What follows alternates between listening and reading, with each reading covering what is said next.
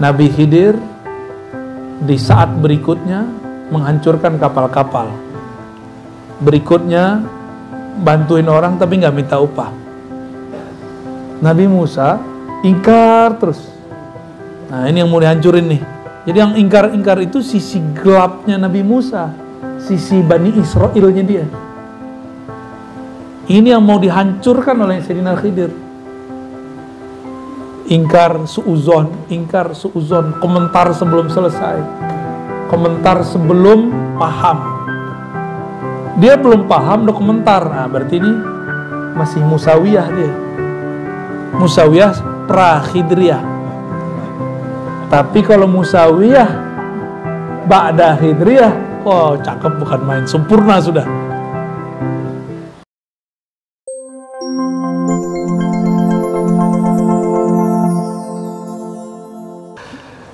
Apa tugas Nabi Khidir? Kok bisa dipanjangkan Allah umurnya? Coba lihat. Nabi Khidir itu sebenarnya tugasnya mirip-mirip kayak malaikat Jibril. Bawa risalah. Bedanya malaikat Jibril malaikat. Nabi Khidir itu punya fisik. Tahu juga tuh dalamnya pemalaikat, apa nggak ngerti juga kita ya malaikat Jibril bawa syariat yang zahir kepada Nabi Musa. Selesai, apa kata orang? Ya Musa, adakah orang yang lebih alim darimu? Hadis Sahih Bukhari, kita boleh alim, bab ilm. Apa jawaban Nabi Musa? Gak ada, gua paling alim di muka bumi. Turunlah wahyu, kan beliau ini bisa berkalam dengan Allah. Eh Musa, kamu boleh merasa pintar tapi nggak boleh merasa paling alim. Ada yang lebih alim dari kamu dalam ilmunya, dalam bidangnya sendiri. Siapa itu? No, Khidir. Khidir namanya Balya bin Mulka. Dan Nabi Musa dihabisin tuh rasional rasionya, logika rasionya dihabisin apa coba hubungannya ilmu sama ikan? Kata Allah, carilah hidir, bawa ikan ini. Kalau ikan ini nanti hilang, berarti nggak jauh-jauh dari situ ada hidir. Masuk akal nggak Pak Haji? Apa hubungannya khidir sama ikan coba? Ternyata berhubungan. Nabi Khidir ini nabi kalau orang Indonesia dulu apa? Nenek moyangku seorang pelaut. Nabi Khidir ini tinggalnya di laut. Kalau di laut berarti urusannya sama ikan. Maka diberi simbol. Simbol-simbol begini nih. Itu Allah titip, titip Allah selip, selipkan di Quran. Nanti ada masa kalau umur kita panjang, kalau saya masih rutin ke sini ya. Insya Allah nanti kita buka tuh simbol-simbol di Quran itu yang unik-unik ada simbol air, ada simbol awan, ada semua, ada simbol tanah. Itu semua simbol-simbol aja tuh. Indah kalau kita ngerti simbol-simbol itu. Quran itu nggak ada ujungnya, nggak ada ujungnya Quran itu.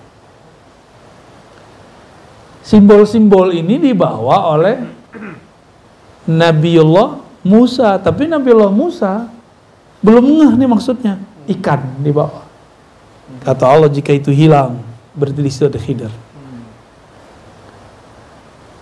Dia bawa anak buahnya, khadamnya, ya.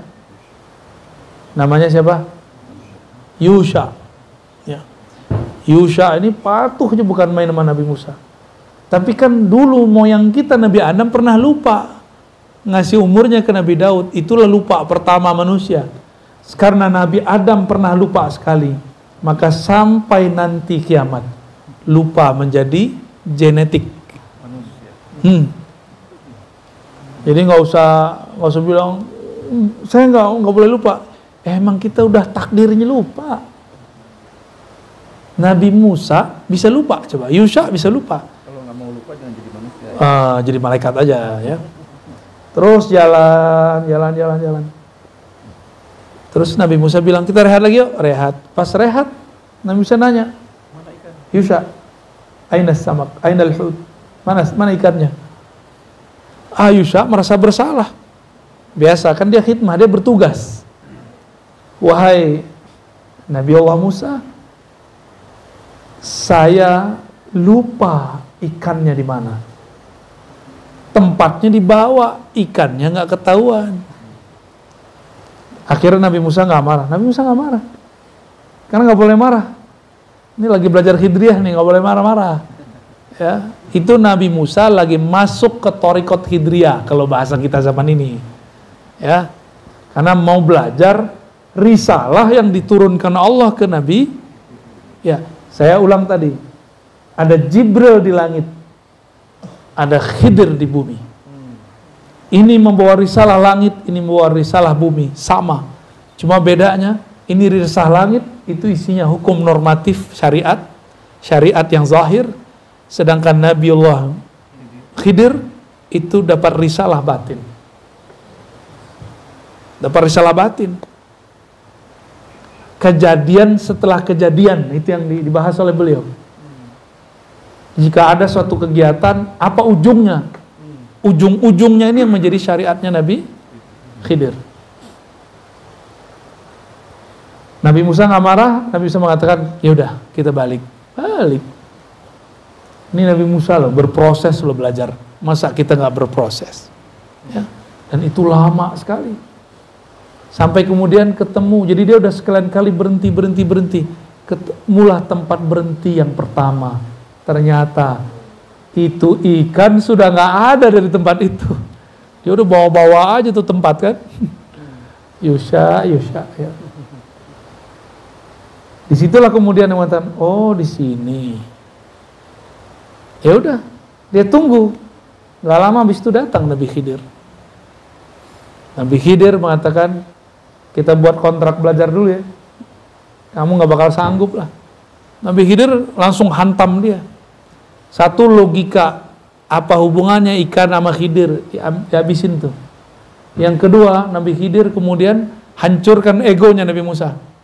Apa kata Nabi Khidir? Kamu nggak bakal ngerti. Di situlah Nabi Musa merendah. Ya, wahai Tuhan, apakah engkau berkenan mengajarkan apa yang Allah ajarkan kepadamu? Nah, dibuatlah kontrak belajar. Oke, jangan ingkar kepadaku. Nah, inilah ilmu khidriyah. Ilmu khidriyah itu jangan gampang ingkar. Ini dikit-dikit beda dikit udah bid'ah. Dikit-dikit udah sunnah. Dikit-dikit haram. Gimana mau memahami rahasia-rahasia Khidriyah? Cuma beda kunun sama aja rame.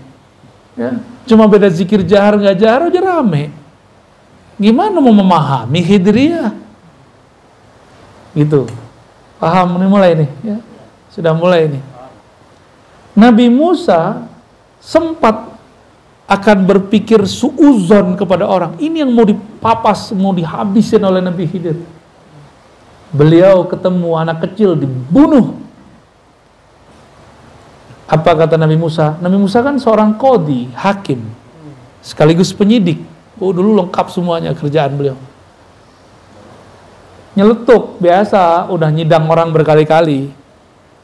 Ya, jadi kayak pesilat, jurusnya udah otomatis. Nyeplos sudah. Hei, kenapa engkau membunuh nafsan zakiyah? Jiwa yang masih kecil, masih suci. Nabi Khidir langsung, tuh kan, gue bilangin, ente nggak bakal paham, nggak bakal sabar, nggak bakal sanggup. Nabi Musa kemudian, oh ya maaf. Hmm. Berarti Nabi Musa, ini pelajaran buat kita semua. Jangan menghukumi berdasarkan yang terlihat. Lain yang dilihat, lain kejadian sebenarnya berikut besok. Nah, itu bukan besok. Di kisah yang saya dapat dari guru-guru saya, itu bukan tiga kejadian itu. Antara satu kejadian kejadian ada kejadian kecil-kecil. Dan itu lamanya enam tahun. Perkiraan ya. Lamanya enam nyantri kepada Kiai Khidir. Kiai Musa nyantri ke Kiai Khidir Nabi Musa nyantri kepada Nabi Khidir. Masya Allah. Nabi masih belajar. Antum Nabi nggak? Hah? Udah Nabi belum? Masa nggak mau belajar? Belagu amat ya. Uh, saya kan kuliah. Lah kuliah kan dulu, kuliah akal. Kolbunya udah kuliah belum? Ruhnya udah kuliah belum?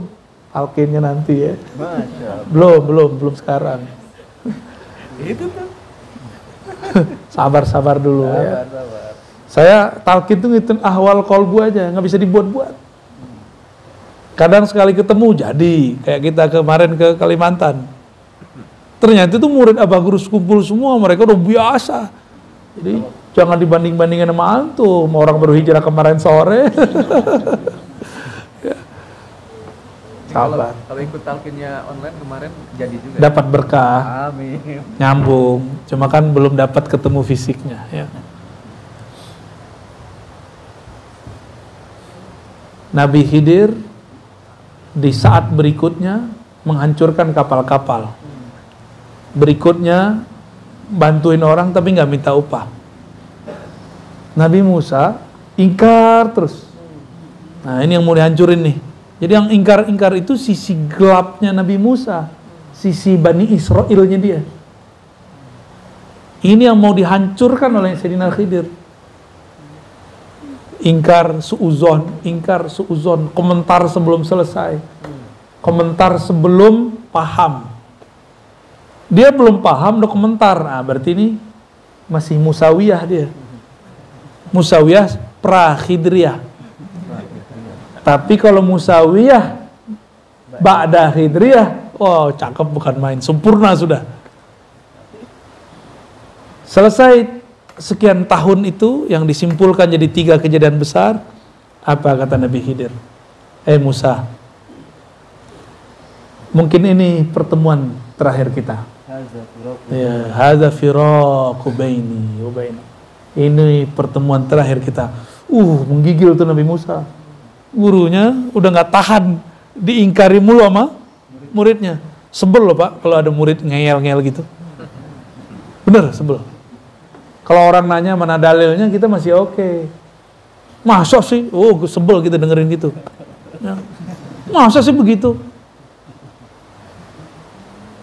Maka kadang-kadang antum nih sama istri, begituin sama istri, pasti emosi. Apa? Masa sih? Gitu ya. Jadi kalau suami istri debat jangan pakai masa sih. Ya. Itu ingkar namanya. Nanyanya, ah kok gitu sih? Gitu boleh. Ah emang harus begitu. Nanyanya tanya konfirmasi, jangan tanya inkari. Jangan istifham inkariyah. ya jangan pertanyaannya pertanyaan kayak menyudutkan gitu. Pertanyaan ingkar syak. Paling gak enak loh ngelayanin orang begitu. Paling gak enak ya. Saya paling sebelum orang begitu tuh. Berarti sisi nafsiyah kita masih ada. Dijelaskan oleh Nabi Khidir. Itu anak pertama yang kita bunuh. Itu bukan saya, bukan urusan saya, bukan min amri. Dia itu kalau gede akan menjadi asbab orang tuanya kafir. Karena orang tuanya soleh, ada perintah dari Allah. Selamatkan nih keluargaku. Gitu. Diselamatin. Terus dikisos nggak? Kan seharusnya dikisos. Hukum Nabi Musa dikisos. Kalau dengan menyelamatkan ini dikisos nggak? Maka ada hukum kaku normatif, ada hukum yang tidak normatif. Kalau ditilang sama Pak Polisi, jangan galak-galak. Ya, salamin aja, ya Pak Polisi, maaf saya salah. Ntar ditanya, mau ke mana bang? Mau ke mana A? Mau ke mana teh? Mau pengajian? Yaudah, susu. Nah, itu dia tuh. Dia kan ada rahmat di dalam dirinya. Tapi kalau gitu bilang, apa lo? Gua nggak salah kok, ngapain berhenti berhentiin? Tambah gregetan sama dikerjain sama dia, ya. Ada kan orang begitu? Hmm. Paling paling sebel yang begitu. Nabi Khidir karena tugasnya ngerjain Nabi Musa untuk merontokkan syaknya Nabi Musa. Merontokkan rasa dia lebih alim. Merasa alim. Jadi tugas risalah Nabi Khidir apa? Menghancurkan sisi nafsiyah. Apa arti nafsiyah? Penyakit-penyakit tabiat-tabiat kedirian, keegoan. Nah, kita ini punya tabiat-tabiat buruk tuh. Hati-hati ya.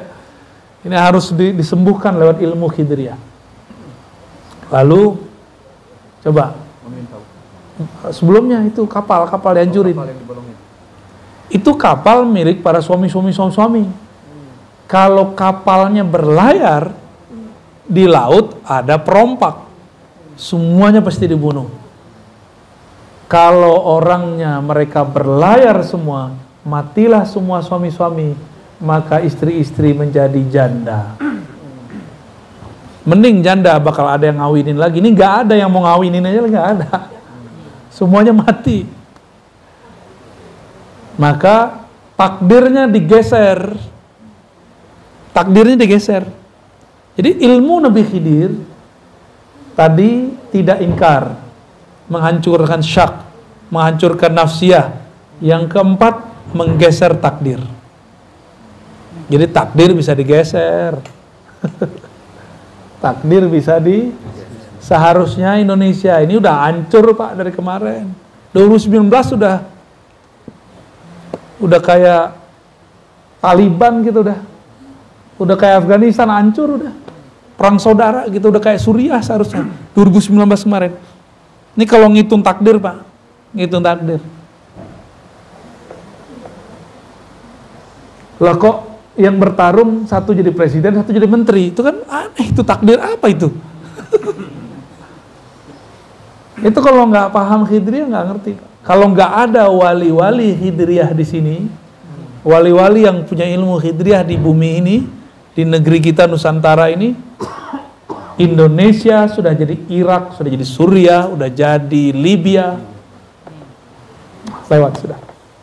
Maka kita bersyukur walaupun hidung pesek-pesek begini, ada wali Pak di antara kita. Ya, ada wali di negeri ini. Mereka lah paku-paku bumi. Mereka lah pagar-pagar negeri. Ya. Jadi jangan lagi ngeluh jadi orang Indonesia, jangan lagi pakai puisi Khairul Anwar, aku malu jadi orang Indonesia. itu kan kritik sebenarnya maksud beliau itu Khairul Anwar. Tapi orang salah paham, dikira kalau Anwar tuh nggak nasionalis. Ya, ya lagi-lagi gagal hidriyah.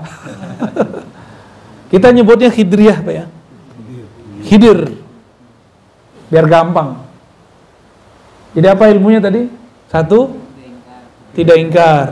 Nggak langsung ingkar sebelum selesai kejadiannya. Terus, hancurkan syak. Jangan gampang syak, ragu. Ketiga, menggeser takdir itu kan horor kan pertanyaannya pertanyaan borongan sini jadi panjang jawaban jadi tugas beliau